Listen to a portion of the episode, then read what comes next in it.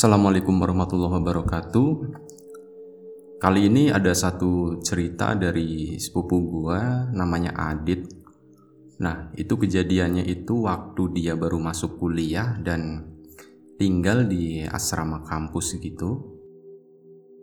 Tapi sebelum kita ke cerita, gue mau ngucapin banyak-banyak terima kasih buat kawan-kawan subscriber semuanya dan teman-teman yang baru mampir, baru main, baru nengokin channel Lapak Horor ini.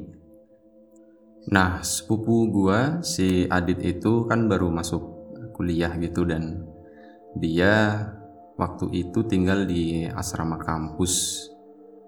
Karena alasannya sih pas itu nyari kosan nggak ketemu ya, kurang cocok. Akhirnya dia mutusin buat di asrama kampus karena ngelihat bangunannya besar, dan di sana juga banyak yang tinggal gitu kan. Meskipun sekamarnya itu isinya empat orang. Empat orang itu tidurnya itu pakai ranjang yang tumpuk gitu masing-masing dua-dua kanan kiri gitulah. Sebenarnya suasana asrama itu tuh nyaman ya enak ramai gitu kan.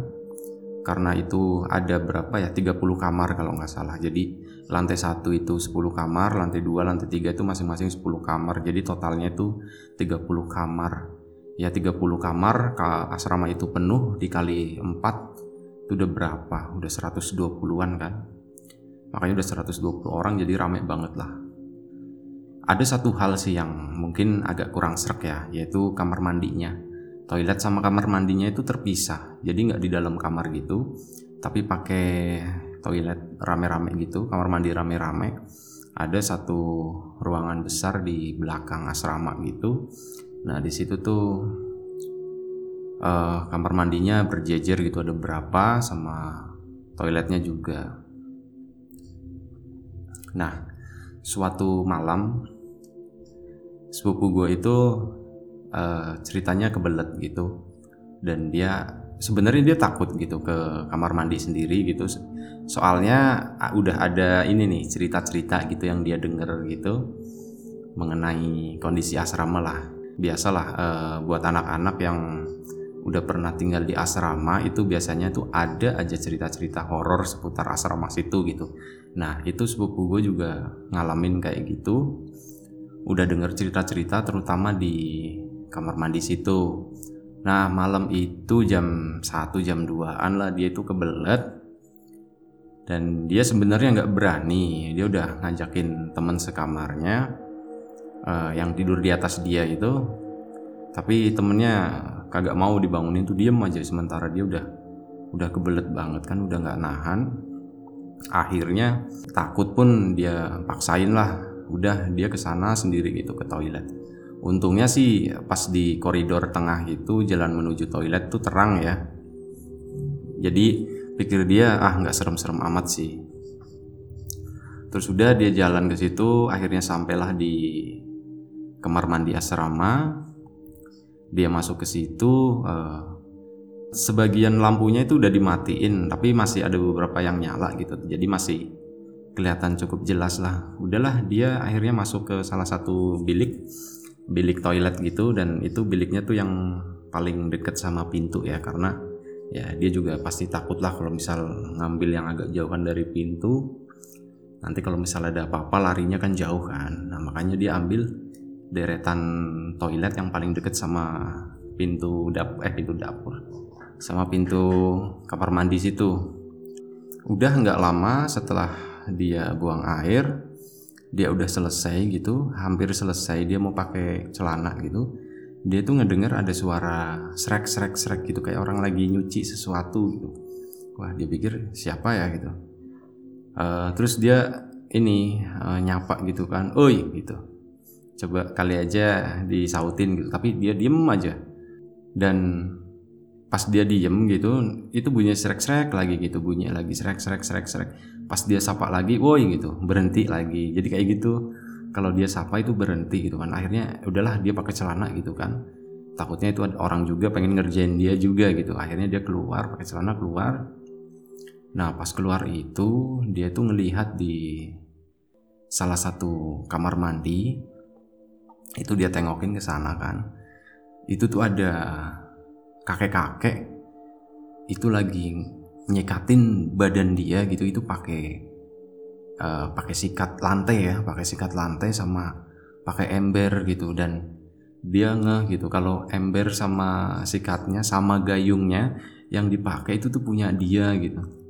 Nah si kakek itu pas udah diliatin gitu kan dia berhenti terus nengok ke dia gitu katanya mukanya serem banget. Mukanya ya namanya kakek-kakek kurus gitu kan. Dan kakek-kakek itu rambutnya panjang. Panjang tipis gitu. Udah panjang udah putih tipis. Kayak gitu dia nyekatin badannya gitu. Kayak orang mandi biasa tapi masih pakai celana ya. Kayak orang mandi biasa tapi mandi gosoknya tuh pakai sikat itu sikat lantai. Sikat yang buat nyuci nyuci baju ya. Sikat yang kayak gitu sama itu tadi pakai gayung embernya tuh punya sepupu gue itu. Dia shock ngelihat itu kan si kakek itu nengok ngeliatin dia terus ketawa gitu hehehehe. Udah dianya kabur gitu. Dia kabur balik ke kamar. Nah di kamar itu intinya sampai pagi tuh dia nggak bisa tidur gitu kan. Ternyata eh, kejadian semalam itu nggak berhenti cuman di situ nah pagi harinya pas subuh itu dia keluar kan dia mau sholat subuh dia mau keluar ke kamar mandi lagi eh, ke apa sih namanya yang tempat wudhu itu bukan ke kamar mandi ya ke tempat wudhu itu terpisah sama kamar mandi nah dia mau keluar subuh subuh itu dia kaget banget gitu ngelihat si ember, gayung sama sikat dia itu itu udah ada di depan kamar dia, udah ada di depan pintu dia. Dia shock banget gitu. Ngeliat, wah ini kan yang semalam dipakai sama itu itu. Dia ngelihat itu akhirnya dia bangunin teman-temannya gitu. Dan dia nggak cerita sih intinya dibangunin teman-temannya dulu buat nemenin dia buat ngambil wudhu ya. Buat wudhu sama sholat subuh bareng gitu. Nah setelah paginya baru dia cerita kalau semalam itu dia ngelihat sosok kakek-kakek di kamar mandi gitu kan pakai gayung sama ember dia. Nah dari situ itu dia udah nggak berani pegang gayung sama ember itu terus minta temennya itu buat ngebuang. Itu dia takutnya kan gimana gimana kena sama si setan kakeknya itu ya hantu kakek-kakek itu gitu kan. Dia agak jijik juga gitu katanya kan ya bekas dipakai kayak gituan ya orangnya kurus banget. Kalau orang sih masih mending. Nah ini kan nggak tahu siapa gitu hantu lah. Udah dari situ dibuanglah ember itu karena dia takut berharap sih dia nggak jumpa lagi gitu. Nah pas malamnya lagi pas dia lagi tidur itu dia udah tidur pulas gitu. Masih sore sih masih jam 10-an tapi dia udah tidur karena semalamnya dia nggak tidur gitu. Nah pas dia lagi tidur itu kayak ada yang megangin badan dia gitu ada yang megangin badan dia ngelus-ngelus gitu. Nah pas dia bangun uh, dia kaget ternyata itu tuh sosok kakek-kakek yang li dia lihat di kamar mandi kemarin gitu. Dia shock banget. Dia nggak bisa ngapa-ngapain dia cuma bisa nganga doang. Dan si kakeknya tuh bilang nanya mau pinjam embernya? katanya buat mandi gitu kan.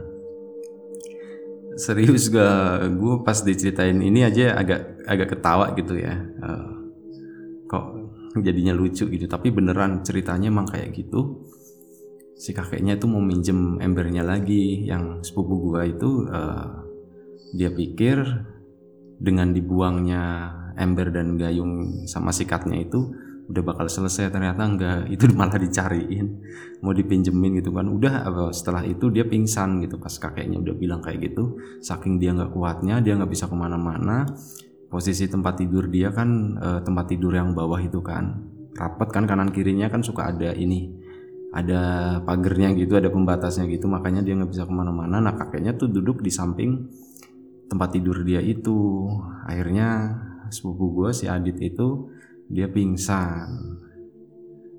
Nah, itulah cerita dari sepupu gue si Adit dan seru banget sih uh, kehidupan di asrama itu seru banget. Pasti banyak cerita-cerita lain dari dia, entah dia atau teman dia itu pasti banyak. Insya Allah nanti gue share lagi ya uh, di episode episode selanjutnya.